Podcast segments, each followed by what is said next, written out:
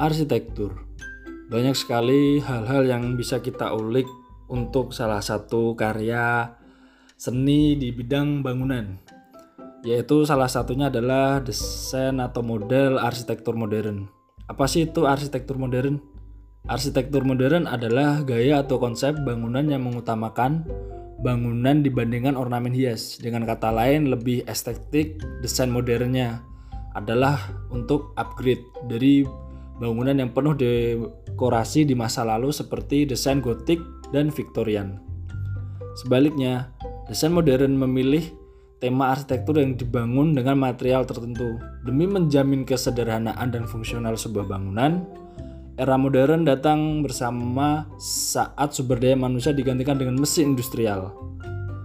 Dengan banyak pekerjaan yang pekerjaan rumah, para arsitek lebih memfokuskan desain bangunan yang mengutamakan kenyamaan penghuni, elemen-elemen yang menggabungkan kenyamaan rumah, ciptaan tanpa menghapus nilai keindahan arsitektur modern.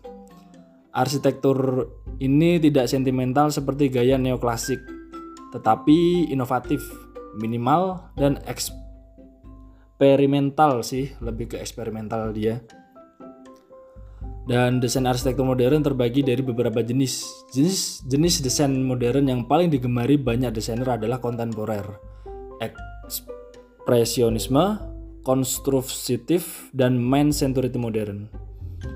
Oke, kita akan sambung lagi ke podcast yang lainnya. See you there.